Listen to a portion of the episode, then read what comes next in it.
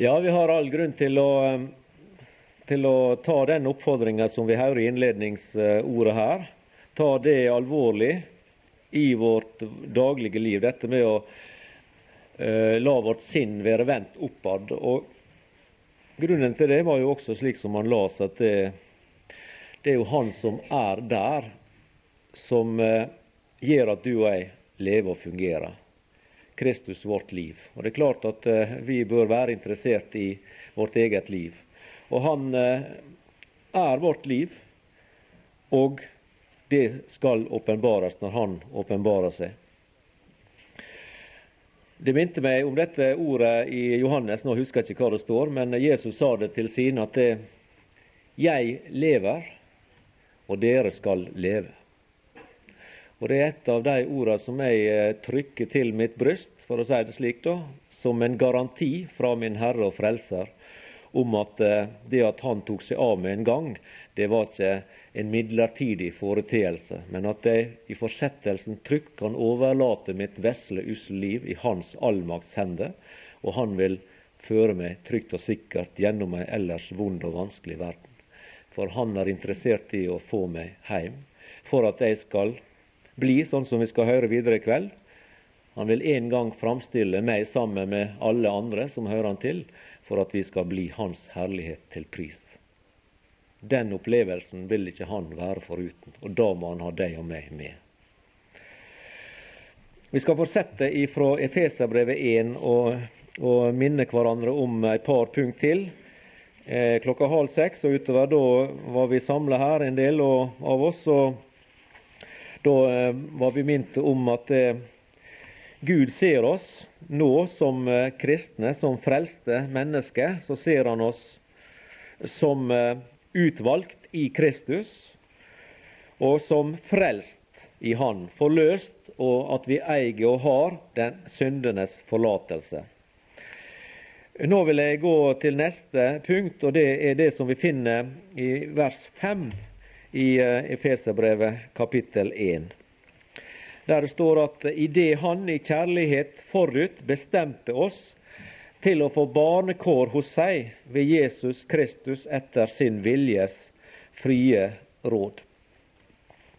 Og I den engelske bibeloversettelsen, og det er vel også kanskje det som er, er rett, er at uh, der blir brukt dette uttrykket der denne bibelen sier får barnekår hos seg, så blir det brukt dette uttrykket 'å bli adoptert som sønner'.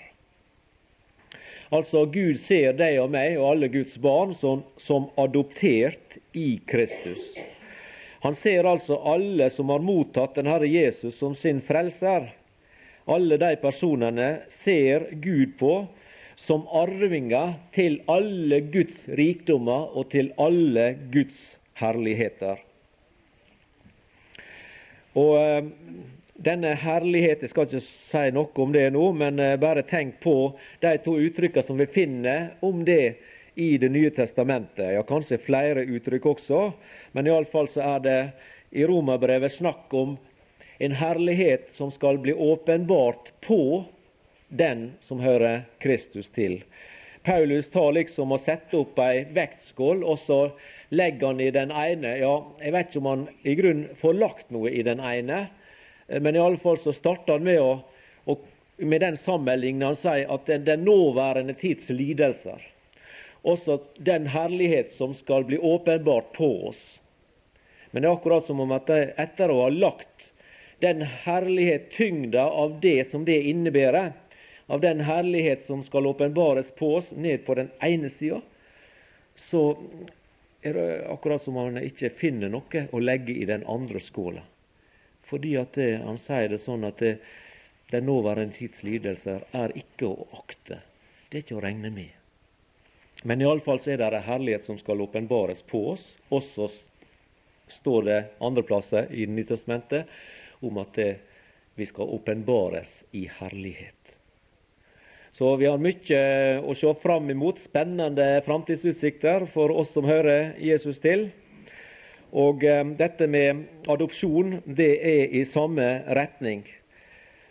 Altså, Efeserbrevet 1,5 sier her at Gud har forutbestemt oss til å bli adoptert som sønner i Jesus Kristus. Og det har ikke med fødselen å gjøre, fordi at det sønnekåret det har med arven å gjøre. Mens det å bli født, det har med å bli barn å gjøre. Så fødselen den er et tilbakelagt stadium for uh, den som går inn i Efeserbrevet 1 vers 5. Idet han i kjærlighet forut bestemte oss til å bli adoptert som sønner i Kristus Jesus. Da er vi allerede blitt født av Han som barn. Slik at vi da har fødselen bak oss, og så blir vi liksom adoptert som sønner. Så det har altså med å med at barnet vokser til og blir, når moden alder, og så skal ta sønneansvaret i familien, i huset. Med andre ord har det med arveforhold og sønneforholdet å gjøre. Vi finner et uh, parallell eller skriftsted, avsnitt om det i Galaterbrevet 4. Vi kan jo slå opp der og lese, så vil du sikkert uh, få tak i Eh, innholdet av dette. Men jeg sier, så lenge arvingen er barn, er det ingen forskjell mellom ham og en trell, enda han er herre over alt sammen. Men han utøver ikke herredømme fordi han er barn. Så den tid er ikke ennå kommet, så lenge en er barn, at en skal utøve herredømme og ta sønnens posisjon i familien. Altså den som skal utøve autoritet på familiens vegne.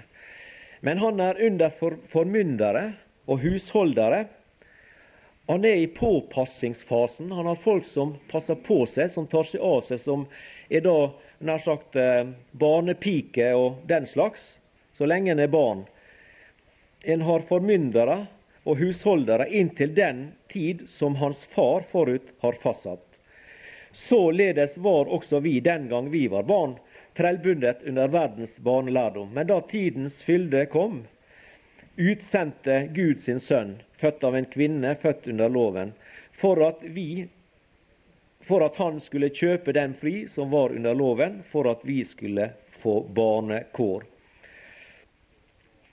Og fordi i er sønner, har Gud sendt sin Sønns ånd i våre hjerter, som roper Abba, far. Så er du da ikke lenger trell, men sønn. Men er du sønn, da er du òg arving ved Gud.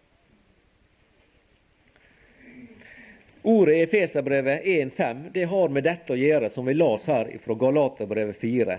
Nemlig at det, det refererer til å gi en person status som voksen med fulle arverettigheter. Og Jeg las i ei bok at det, romerne og også grekerne, altså disse middelhavsfolka, de var svært nøye med dette her med mannlige arvinger. Og De gjorde følgende at hvis et ektepar var uten barn, slik at når de kom opp i moden eh, alder og i eldre år, og hadde en viss formue og en del eiendom, så hadde de jo ikke noen da av sitt eget kjøtt og blod som kunne føre dette videre. De hadde ikke sønner eller barn. Men Det som da skjedde, det var at de adopterte en ung mann av annen slekt og familie. De adopterte en person som de da gav fulle arveretter. Og ellers så var det sånn i familiene i det gamle Romerriket, og som sagt også i det greske, at det, i ei og samme familie kunne det være flere gutter. Men det var ikke sjølsagt at den eldste gutten hadde arveretten, at den eldste hadde odelsretten, sånn som vi er, eh, er vant med det. Eller i hvert fall vært vant med det. Nå er det vel også jentene som kan ha odel. Men eh, slik var det tidligere. Nei, den andre, eller eventuelt den tredje gutten, altså den midterste eller den yngste, eller hvem slags nummer det enn kunne være, kunne foreldre rett og slett velge ut ifra alle sønnene sine også plassere som sønn i arvemessig betydning. Med andre ord at selv om de hadde tre sønner, så ble den ene av dem adoptert på en formell måte som arvemessig sønn i huset, selv om det at han var yngre enn flere, en eller flere av brødrene. Og Det som gjorde utslaget, og som var kriteriet for utvalget, og utvelgelsen som foreldra gjorde, det var hvordan de hadde lært guttene sine å kjenne i oppveksten, og hvem de anså som mest skikka og habil til å føre slekta sin formue eh, og sin handel og alle disse tinga, tradisjoner, videre. Så det var det som var liksom bestemmende for eh, hvem som skulle arve i en familie. Så du skjønner det at det, dette med adopsjon det hadde et veldig innhold eh, på Paulus' tid, når, det, desse, når ordet Bibelen ble skrevet. Og de forsto godt hva det gjaldt, både efeserne, romerne og i Galasien, i disse brevene her, når han snakka om dette med å være barn, å være arving, å være barn og være sønn. Å bli adoptert som sønner av Gud. De skjønte med en gang hva det dreide seg om. Det dreide ikke om seg om fødsel og familieforhold i den forstand, men det dreide seg om arveretten og det å utøve modent og voksent ansvar i familien. Så du skjønner det at det, når det da gjelder frelsesverket, det er det som er, at her får vi i grunnen en, en dimensjon i tillegg til barnet når det gjelder frelsesverket. Altså at vi er født som Guds barn, og så er vi samtidig adoptert som sønn. Disse to tingene her, de går hand i hand. Og det, det, er jo sånn gjennom hele Det nye testamentet, og spesielt kanskje i Paulus sine brev. Han er en egen evne. Jeg kan ikke ta og nevne noe eksempel, sånn sett, men du kan sikkert eh, tenke over eh, det du også kan dukke opp i tanken nå, og du kan komme for senere. At det, Paulus setter opp sånne ting som på en måte eh, ser ut til å være motsatte av innhold. Han snakker ikke sant om at det, vi kan bli forfylde, og vi kan bli og vi kan bli liksom håna og spotta. Men samtidig så fryder vi oss og er glad. Det er liksom sånn, Jeg kunne ikke tenke at det er når vi er, vi er fulle av nød og fulle av smerte og føler verden presser på og at vi blir forfulgt, at vi da kan være glad og være sprudlende og fulle av liv eh, og glede oss som Guds barn. Men han setter disse tilsynelatende mot, eh, mot eh, tinga opp mot hverandre. Det, vi, han sier på en side at vi er motløse, men på andre sida vi er fulle av håp. Og sånn her også. Det er ikke bare at vi er barn. Det er vi. Men vi er også sønner. Vi nyter barnets rettigheter. Og hva er barnets rettigheter? Ja, Det er vel å på en måte å bli tatt ekstra hånd om ikke sant? og vist omsorg og kjærleik og dulla med og passa med. ikke sant? Og, ja, Vi kjenner jo til det, åssen det var når, vi, når eh, barna var små. Det var ikke den ting vi, vi ikke Vi la oss på gulvet på alle fire, og vi leika og kjørte tog, og vi var, hadde dukkehjem og ditt og datt. ikke sant? Samme hvor gamle vi var som foreldre. Vi ble barn som barn, vi også. Lå der og kraup og vovva og mjaua og sto i. Og, og, det var barnet. Men vi gjør ikke sånn nå når vi har folk opp i 18-20-årsalder. Vi setter ikke oss ved siden av dem på en stol, og så begynner vi å mjaue og vovve og stå. Da eh, forholder vi oss da er de sønner og døtre ikke sant, i den forstand. Da er, det mer som, så, da er vi mer på like fot. Vi er venner, vi er foreldre, men også venner og, og, og, og kan gi råd. og Vi kan bli lytta til og motsatt og utveksle ditt og datt. Barnet har sin, sin område, sin alder, med sine eh, plikter og retter. Og en voksen har sine plikter og retter. Og Det som er det flotte, det er at Gud har gjennom disse to tinga at han fører oss som sitt ektefødte barn, og samtidig adopterer oss som sin sønn for å arve, så eier vi disse tingene samtidig. Peter sier jo det i sitt andre brev og første kapittel og fjerde vers, at Gud han har gitt oss de største og dyreste løfter. Hvorfor gjorde han det? Ja, For at vi ved dem skulle få del guddommelig natur. Og det har med fødselen å gjøre. Og eh, et par eh, ord i Johannesevangeliet, nei, brev, først. Johannes brev der, der viser, bruker Johannes dette uttrykket. Johannes er jo opptatt med familier. dette med, med familie og, og, sønn. og ikke sant, Han er opptatt med det, Johannes, i, i brevene sine. Og for eksempel, eh, 1. Johannes eh, 2,1, da. Det begynner slik. Mine barn, skriver han. Mine barn. Mine småbarn. Dette skriver jeg, osv. Og, og det er et uttrykk som Gud bruker om, om oss. Han sier 'mine barn', eller 'mine småbarn'. Har, vi er på en måte vi er umyndige, så vi er småbarn i Kristus. Og samleis i vers 12. Jeg skriver til eh, eder, mine barn, fordi eders synder er eder forlatt for Hans navns skyld. Han, han, snakker til oss som barn, og, og da er vi umyndige. Paulus sa jo i Galaterbrevet at det er altså noe særlig forskjell på et barn og en trell. Eh, Pga. at barnet i barneåra lever under formyndere, som han sier, og har ikke noen mulighet, verken eh, mulighet eller evne til å kunne ta eh, sønnens ansvar. Men når den fastsatte tid for far kjem, las vi også, da setter han arveforholdet ut i livet, og sønnen tar ansvar og blir den arveberettiga. Slik at det her opplever vi altså at samtidig som vi er barn, så har vi også fått voksenstatus av Gud som arvinger. Vi er altså både barn og fullverdige arvinger samtidig. Og Det finner vi uttrykt eh, f.eks. i, i Romerbrevet, det åttende kapittel. Jeg skal lese noen vers der.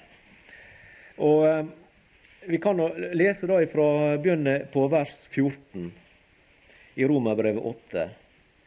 For så mange som drives av Guds ånd, de er Guds barn. Eh, fikk jo ikke trelldommens ånd, så jeg atter skulle frykte, men de fikk barnekårets ånd, ved hvilken vi roper Abba, Fader. Ånden selv vitner med vår ånd at vi er Guds barn.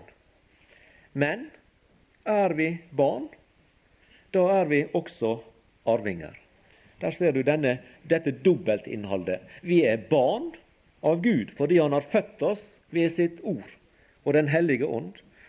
Men samtidig så er vi arvinger fordi Han har adoptert oss som sønner i Kristus. Og Det som du og jeg i grunnen går og på en måte eh, da her mens vi lever her i denne verden Det er ikke sikkert vi tenker så veldig mye over det sånn til daglig, men det er i hvert fall slik egentlig. At det, det du og jeg som Guds barn da venter på, mer eller mindre bevisst, det er at det, vi skal ta vår arv i besittelse, som vi har rett til, og som Gud har gitt oss. Nemlig, Han har gitt oss det gjennom den adopsjon som Han gjorde i Kristus Jesus. Så er vi altså sønner og arveberettiget, og vi skal ta arven i besittelse. Og Det er derfor det, at det, det blir snakka om at vi har, vi har sønnekår og det er snakk om sønnekårets ånd. Men vi har ikke tatt uh, arven i besittelse. Vi, ikke, vi utøver ikke i praksis nå mens vi lever her, det å være Guds sønner. Nå får vi nyte godene av at Gud, menneskelig talt, da, duller med oss som sine elskede barn og tar seg av oss på den måten. Med trøst og med varme og med omsorg og kjærleik. Og, og, og bevarer oss gjennom livets forskjellige eh, situasjoner som vi møter. At dette her, at det, vi for tronen, kan for tronen gå og si 'Fader, ditt barn du hjelper meg'. Det er barnets forhold til, til far. Abba-far. Men vi skal ta vår arv i besittelse, og det leser vi videre da, i eh, Romerbrev 8, fra vers 22. For vi vet at hele skapningen til sammen sukker og er til sammen i smerte inntil nu. Det har sitt det har jo sitt, eh, sin årsak i dette med syndefallet og, og den eh, forgjengelighet og smerte og nød som kom inn i skapningen eh, overalt i forbindelse med når synda kom inn i verden. Så hele skapninga sukker og er i smerte inntil nå. Ja, ikke bare det, men også vi som dog har åndens førstegrøde, også vi sukker med oss selv idet vi stunder efter vårt barnekår nå har vi fått barnekårets eller sønnekårets ånd. Men selve kåret har ikke vi tatt i besittelse og får virkeliggjort. Men vi, vi sukker etter det, for det lengter vi etter. Vårt barnekår, vårt legemes forløsning. Og Det er jo det som blir en av de tingene vi skal oppleve i det vi har sunget her i flere av sangene på disse samværene, og som dere sikkert synger ellers også. Når vi synger om håpet, når Herren skal komme og hente sine, og vi skal bli med Han inn i det himmelske fedreland. Da er det at vi skal få oppleve realiseringa av det å være Guds sønner. Og at vi skal få oppleve den andre komponenten i det som står i Romerbrevet. At er vi barn, ja det er vi nå, da er vi også arvinger ved Gud. Men det, det er en framtidig ting å ta det i, i, besittelse og virkeliggjøre arven og få leve ut. Og det er da det at det, vi skal få del i alle Guds herligheter. Herlighet på herlighet. Vi som er frelst, er, som jeg også tidligere nevnte, vi er rike. Vi er himmelske millionærer. Men det som, det som er det faktiske forholdet, det er at vi er rike og millionærer, men ikke synlige. Ikke i materielle ting, men vi er rike i Gud fordi vi har del i Guds rikdommer. Fordi Han gir oss det, fordi vi er i familien. Verden derimot ser det ikke. La vi ta et lite tilbakeblikk i evangeliet, der Jesus snakker om å samle seg skatter. Hva er det verdens folk samler seg skatter? Hva er det de har hjertet sitt henne? Og Kanskje vi også hadde det en gang, og kanskje vi har det litt nå også. Da må vi i tilfelle, tilfelle si at dessverre at vi har. Men det, slik kan det være. Men de har sine, sin rikdom i de jordiske ting. De har sin rikdom og sin skatt i det materielle, i det nåværende. Mens du og jeg, som et Guds barn og som Jesu Kristi venn og medarbeider, blir vi oppfordra til å samle oss skatter i det himmelske. For der er ikke det moll og russ som tærer. Og det er de evige skattene. Og de vil bestå i evig tid fordi det er deres karakter. Mens det som er av denne verden, det vil falme, det vil falle sammen, og det vil forgå. Har ikke du tenkt over det av og til? At disse menneskene som samler seg forskjellige ting og setter sin lit til den nåværende rikdom, hva skjer med dem? De må ved endens slutt, ved løpets slutt, så må de snu seg liksom tilbake og ta et siste tilbakeblikk over det. Og så forlater de det for alltid. Hva skjer med deg og meg når vi kommer til vårt siste blikk? Da tar ikke vi oss et blikk tilbake. Vi ser ikke oss tilbake i det hele tatt. Vi ser et blikk fram, og da ser vi vår rikdom. For den venter på oss i det himmelske fedreland. For det er der vi har samla. Så vi går til vår rikdom, vi. Mens verdens mennesker de må forlate sin fordi de har satsa på feil hest, for å si det på den måten. Derfor så er vi rike. Verden ser det ikke, for de kan ikke se inn i det evige. Der er et dekke som den vonde har satt for deres øyne, som vi også har sitert før. De er forblinda av denne verdens Gud, så de har ikke evne og muligheter til å se lys fra evangeliet, det som skinner i våre hjerter ved Den hellige ånd. Og Vi har ingen grunn til å rose oss av det, annet enn å rose Gud for at det under skjedde i våre liv en gang, at det ble virkeliggjort. La vi lese i eh, Johannes brev, første brev, kapittel 3, og de tre første versene. Det er jo kjente ting, dette her, men jeg tror ikke vi har noe særlig vondt av å minne hverandre om det igjen. Se hvor stor kjærlighet Faderen har vist oss, at vi skal kalles Guds barn. Og det er vi. Hvorfor er vi det? Jo, for fødselen den er skjedd. Vi er gjenfødt til et levende håp ved Guds ord som lever og blir. Så det er vi. Og så kommer neste setning. Derfor kjenner ikke verden oss fordi den ikke kjenner ham. Og Derfor så kan verdens mennesker synes at du og jeg vi er noen rare typer. Treige typer, enspora, og som de rister på hodet på og, og, sier at disse folka der, de, de forstår ikke. Tenker seg til at de liksom kan gå på disse møtene og sitte pal på en stol i timevis og, og det ene og det andre. ikke sant? De kan ikke fatte det. De, de, de syns vi er rare, kanskje. Og, De ser ikke at det kan være noe rikt i dette her. På en måte. da. Noen ser det og er misunnelige. Men eh, mange de rister betenkt på hodet og lurer på hvor hen det klikker. Og det er fordi at de, de har ikke forutsetning for å kjenne det. Fordi at de, de er fremmed for Gud, som vi leste i går fra Efeserbrev. Fremmedgjort for Guds liv. De har ikke sansen til å forstå og skjønne. Men vi som er frelst og fått våre øyne opplatt, vi ser at vi er barn det er vi. Og så videre.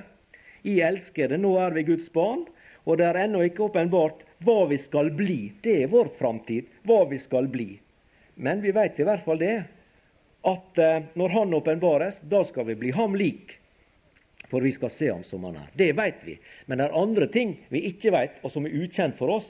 Men vi vet i hvert fall det, at når vi kommer inn i den himmelske verden på den andre sida, og Guds herlighet skal åpenbares på oss, og vi skal vises fram i herlighet.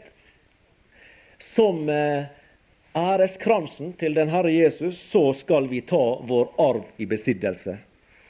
Og da vil det vise seg at det, det som verden syns var ringe og, og, og ringeakta, og som de forakta for kanskje, og snakka, gjorde, slo vitser på oss og alt dette der, som de ikke skjønte, det var fordi at det, de hadde sansen kun på det nærværende kun på det materielle, på denne sidige. Og det må de forlate når de går herifra. Vi forlater ingenting, vi, egentlig. Vi går bare inn til noe som er rikere. Vi lever her, rike i Gud, kan fryde oss i evangeliet og glede oss over at eh, vi hører Jesus til. Og når vi går over på andre sida, så kan enn vår glede bli enda mer fullkommen. For da er vi fri den gamle natur og kan virkelig i frigjort grad synge lammets sang, som vi skal lese om om en liten stund. Så jeg vil oppsummere akkurat den sekvensen med følgende utsagn at det å vite at vi i Kristus hører til i Guds familie, at det burde anspore oss til å leve opp til vårt familienavn. Jeg tror ikke dette er slik som han eh, Ja, hva heter det nå? Håkon Magnus og Jeg tenker på disse her. Der har du et eh, familienavn. ikke sant? Ei kongeslekt liksom, og, og prins, prinser. Det er klart at det, det forplikter. De tillater ikke seg hva som helst der. For, for de, de, har noe å ta i vare på. Og du og jeg, vi blir nevnt med Guds navn over våre liv. Vi er Guds barn. Vi er kristne. Altså, vi er Kristus tilhører, og Vi hører Han til, det som ligger i det. Vi hører Kristus til. Og, og, det blir sagt om han og henne de er kristne. Og navnet forplikter. Navnet forplikter.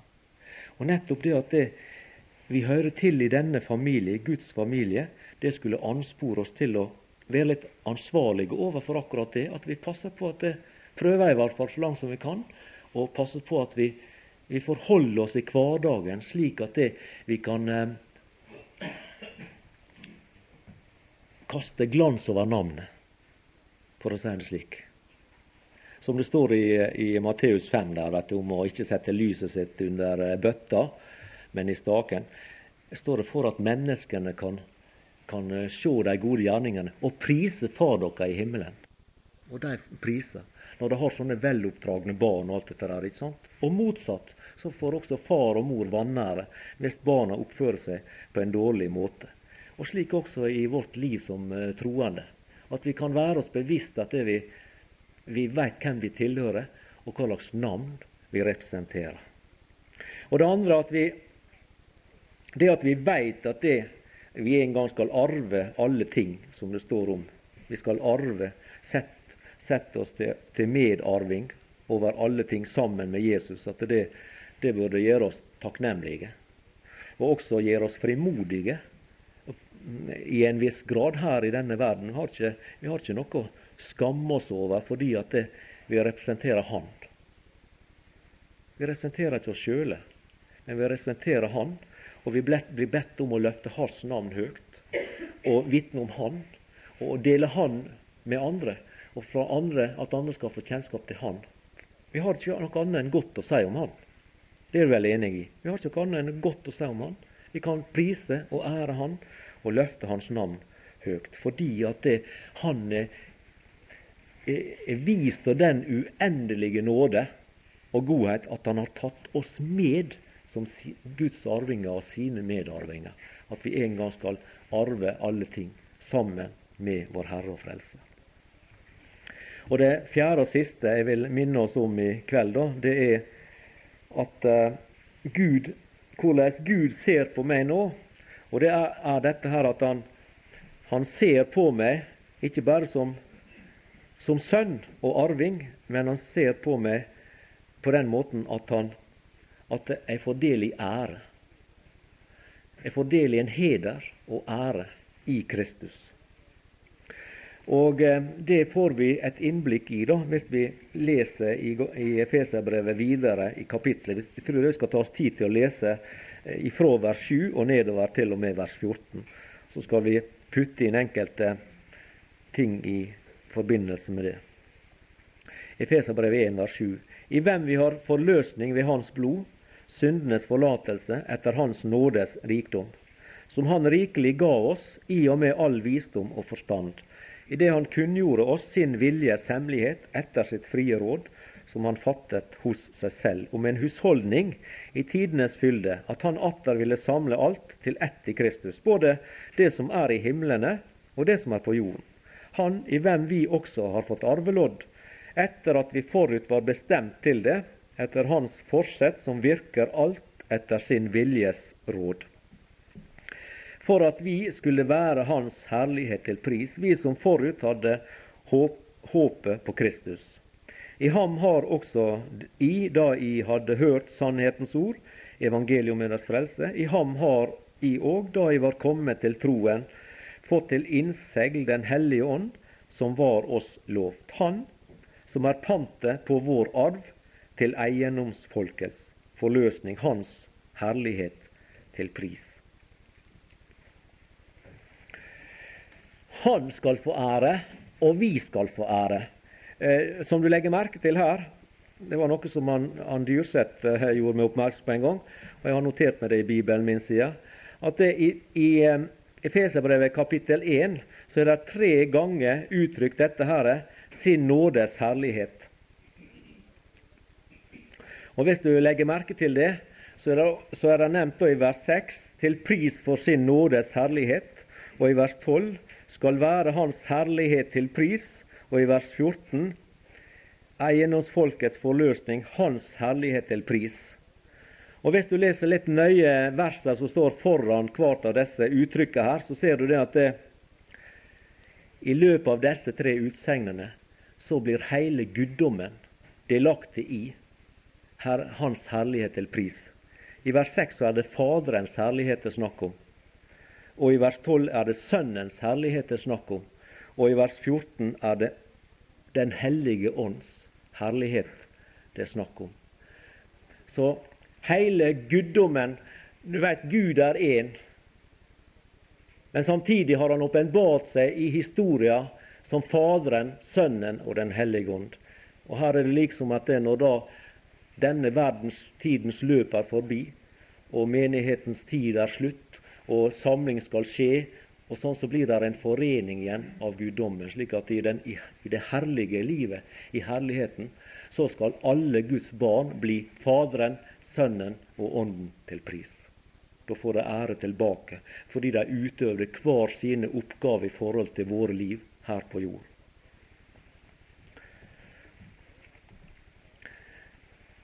Faderen med det han har, står for i vårt forhold til oss. Sønnen i det han gjorde for oss, og Ånden som veileder og trøster og alle de ting som han står for eh, i forhold til oss her. Så skal alle tre få oppleve at frelste syndere en gang skal fylle himmelen og gi dem ære og pris, slik som de har fortjent.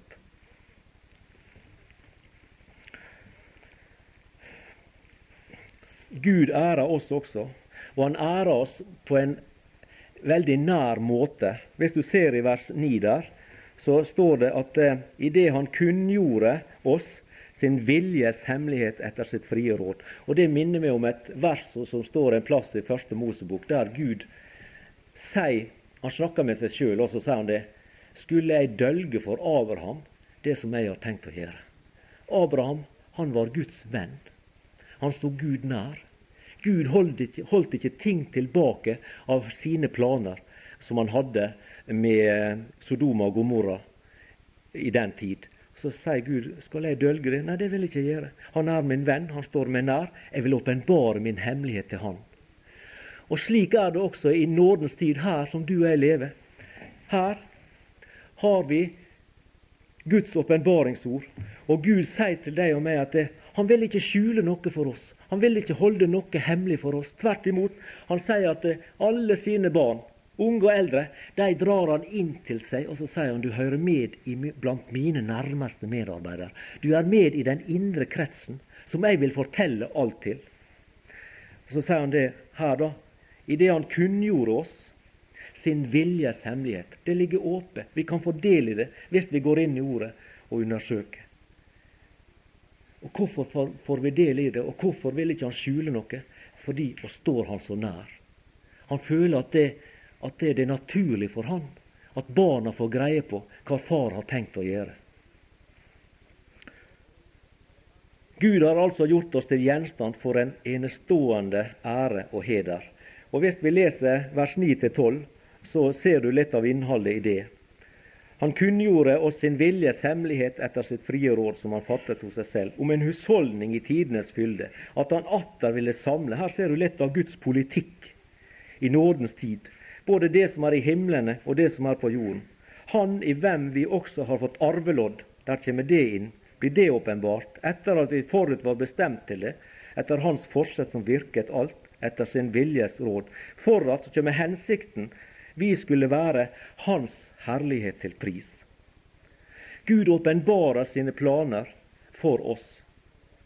Og Gud har, slik som vers 12 sier, gitt oss ei enestående oppgave som ikke andre skapninger i universet får den samme. Og Det kan vi lese om i åpenbaringsboka kapittel 5 og vers 9 og 10. Du kan det sikkert utenat.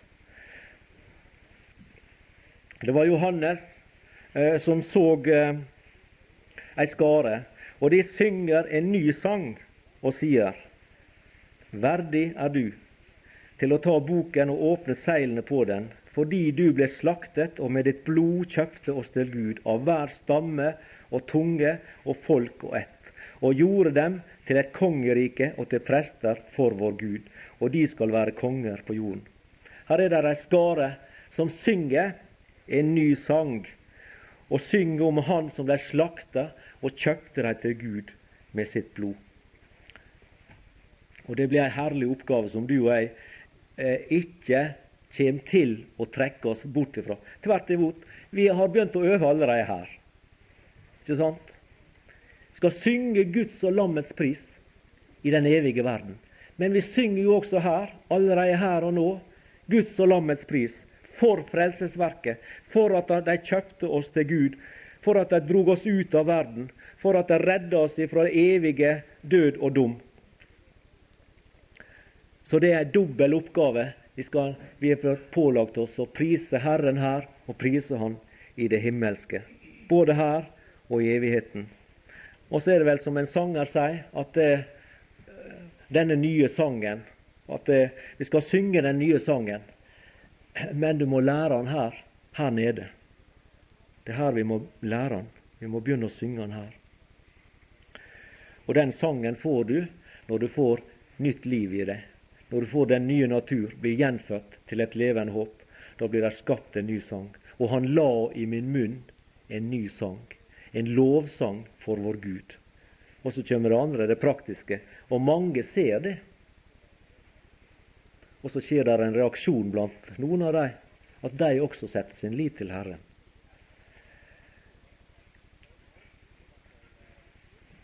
Det er i hvert fall eh, sikkert at det, som jeg litt var inne på i stad, at det er i hvert fall én skatt som vi møter igjen i det himmelske, og det er frelste sjeler. Hvis vi har kunnet fått være i den heldige situasjonen at vi kunne vært med og peke på Jesus for en som kan eh, stå opp i den evige verden og vitne og si at han og hun var redskap, et ytre redskap til at jeg ble frelst. så er det noen som får med seg slike himmelske skatter inn i den evige verden, og som vi da kan få legge ned for lammets fot og si det, det er du som skal ha æren tilbake. For det var nåde at du frelste meg. Og det var en nåde. Tenk hvilken nåde det er av Gud å få være hans sendebud og til den døende verden gå. Og være med å spre evangeliet, det glade budskap. Ja, Gud har gjort oss, står det i i vers 14. Han har gjort oss til, til sin høyt verdsatte eiendom. Han eh, kaller oss jo et eiendomsfolk der i vers 14. Han som er pantet på vår arv, til eiendomsfolkets forløsning, hans herlighet til pris. Vi er Guds eiendomsfolk, som Peter også sier. Vi er hans eiendom, og en eiendom som han setter stor pris på, og som han har betalt så uendelig mye for. Tenk på han som liknelsen om perla og skatten i åkeren og dette. Han som gikk bort og solgte alt og kjøpte. Vi kjente en, og vi kjenner en, han som vi snakka om i stad, som forløste oss ved å betale med sitt eget blod. Han betalte den dyreste pris som kunne betales for at du og jeg skulle få oppleve en gang å bli Faderen, Sønnen og Åndens herlighet til pris. Og for at vi skal kunne bli Hans herlighet til pris, så må Han få oss hjem. Der er trygghet i det, syns jeg. At vi må jo hjem for at vi skal bli Hans herlighet til pris. Og Han skal få oss hjem. Han vil ha oss hjem, og dit vil Han få oss. Det er Den hellige ånd garantisten for, slik som vi leser her i vers 13 og 14. I ham har også i da jeg hadde hørt sannhetens ord, evangelium med dets frelse. I ham har jeg òg, da jeg var kommet til troen, fått til innsegl Den hellige ånd, som var oss lovt. Få til innsegl Den hellige ånd, Han som er pantet, garantien altså, på vår arv, til eiendomsfolkets forløsning. Vi stunder etter vårt barnekår, vårt legemes forløsning, la oss visst da. Vi har ei framtid. Vi ser fram imot at det skal skje et under da Herren skal komme ned fra himmelen, slik som Tessalonika-brevet sier. Da overhyrden skal åpenbares, som Peter snakka om. Da vi skal løftes i samla flokk fra alle nasjoner og raser og stammer og folk, og samles i det himmelske. Og da skal vi være guddommen til ære og pris. Og da skal vi ta vår arv i besittelse. Og fordi at det, Han har gitt Den hellige ånd som pantet i vår hjerte, innsegl, og det betyr Jesus skiller oss ut fra alle andre i denne verden og setter sitt stempel på oss og sier denne, han er min. Han er todd i Jesu blod. Og da må Satan og alt rømme. Ingen kan meg fordømme. Og så har han plassert Den hellige ånd der som innsegl og pant. Og det betyr at det er vår synbare, for å si det slik, da, garanti, slik at vi også kan se det fra denne sida. Det er ikke bare at Gud ser det fra sin side og har det helt i orden for sin del, men vi kan også se det fra vår side og ha det helt i orden fra vår del og vite at eh, vi skal hjem. Og vi har allerede pantet her og nå. Vi ber det ved troa i våre hjerter. Det er Den hellige hånd. Og så skal pantet sjøl, slik som det står i Johannes 14, Eh, der om at la deres hjerte ikke forferdes osv. Og, så står det at det, og når jeg har beredt deres sted, så kommer jeg igjen og skal motta dere. Og hvem er det som skal overlevere? Jo, det er Han som her har til oppgave å være innsegl og pant. Den hellige ånd tar oss med og gir oss over til Frelseren. Så skal vi virkelig få se vår Herre ansikt til ansikt og bli Han lik. Ja, Gud være takk. Vi er enestående på den måten at vi hører Gud til på dobbelt sett. Eh, vi, det at det, vi er nemlig skapt. Vi er Guds skapning. Gud skapte mennesket i sitt bilde. Til mann og kvinne skapte han det, som vi veit. Og så tapte vi dette. Vi tapte eh, samfunnet med Gud. Vi tapte nærheten til Gud. Og vi ble stengt ute fra Gudssamfunnet. Og så er det at Jesus kommer oppretta og gjenoppretta, og mer enn gjenoppretta, eh, det som ble tapt. Og så fører han frelsesverket inn, og så ble, vi skapt i Guds bilde. Og så etterpå så frelser han oss. Så er vi Guds eiendom fordi han har skapt mennesket. Derfor hører vi Gud til i skapelsessammenheng. Og så hører vi Gud til i forløsningssammenheng. For han har kjøpt oss tilbake til seg med Jesu Kristi blod. Det var omtrent slik som du husker, jeg vet ikke om jeg skal ta tid til det, denne gutten som hadde som hadde laga seg en båt. Du husker den fortellinga sikkert? En del av dere iallfall. Han hadde laga seg en båt, og så var han oppe i elva og seila med denne båten. Og så tok strømmen båten og for ned gjennom så fort at gutten ikke klarer å få tak i den. Han anså jo båten som tapt. Men så var det flere uker etterpå så var han nede i bygda nede i sentrum der nede med fjorden. Så så han i et butikkvindu. Der sto båten hans utstilt med en prislapp på. Og Da var det noen som hadde funnet båten, og så leverte han inn og ville selge den til en eller annen som var interessert i å kjøpe. Og så, For å gjøre det kort, da, så han så jo det, det var hans sin båt, men så kunne han godt bare gå og si 'dette er min båt', det. for det er ikke sikkert de ville tro han. Men så gikk han hjem igjen og fikk forklart situasjonen for foreldra, så fikk han penger, så gikk han betalt og kjøpte båten sin. Og Så gikk han hjem igjen, forteller de med båten inn liksom sånn, og så sa han du er dubbel min, sa han. Først laga jeg det, og så kjøpte jeg det. Og slik er det vi også. Vi er dubbel Guds. Han skapte oss, han forløste og frelste oss. Og da kan du tenke deg at det, han setter alle sine allmaktskrefter inn på å bevare sine hellige gjennom denne verden for å føre oss trygt og sikkert inn i det himmelske riket. Og Det er godt å vite at Gud har gitt oss mulighet til å få se vår rikdom, og den har vi her. Han har gitt oss mulighet, han har åpenbart sin vilje for oss for at vi skal kunne glede oss i det, fryde oss i det, og la oss synke ned i forvissninga om Hans allmakt, og de er for oss. At når Gud er for oss, hvem er da imot oss? At vel er det mektige krefter i vårt eget kjøtt, Satan, verden, det er mektige krefter, men vi hører Han til, som har all makt i himmel og på jord, og ingen kan stå seg mot Hans allmaktskraft. Han skal klare å føre oss igjennom. Og vi Derfor så bør vi, fordi Han har gitt oss ordet, være takknemlige for det. Og så trenge oss inn i det, lese og undersøke og gjøre oss kjent med Guds vilje og planer og politikk, for å si det slik. Sånn at vi ikke opplever tidens og, og de tingene som skjer i samfunnet og i verdenssamfunnet, at vi stadig vekk blir overraska at det kunne skje og det kunne skje. Men at vi pga. at vi vet ting, så kan vi si at jeg tror nok at det kan komme til å skje snart, og det kan komme til å skje snart. For slik virker det i Guds ord. Og så er vi liksom parallelt med utviklinga fordi Gud har gitt oss åpenbaring om det. Også at vi kan glede oss og fryde oss i at, at vi er frelst for å bli Hans herlighet til pris. Og at vi virkelig skal kunne tenke den tanken at vi i oss sjøl fortapte og fordømte skal få oppleve å bli grepen av Gud og redda ut fra den elendige situasjonen vi var i, og plassert ikke bare som Guds barn, men som arvinger, og slik at han liksom har æra av i universet. Du og jeg skal bli Hans herlighet til pris. Engler og makter og krefter ser på, på Guds blodige menighet, for å si det slik, og så feller det ære tilbake på Gud det, vi blir et vitnesbyrd om at det er Guds fantastiske evne til å frelse og bevare hjelpeløse syndere. Det skal gi gjenklang gjennom den himmelske verden. Og at det burde da være med å stimulere deg og meg i vår hverdagsliv som er troende til tjeneste for Han.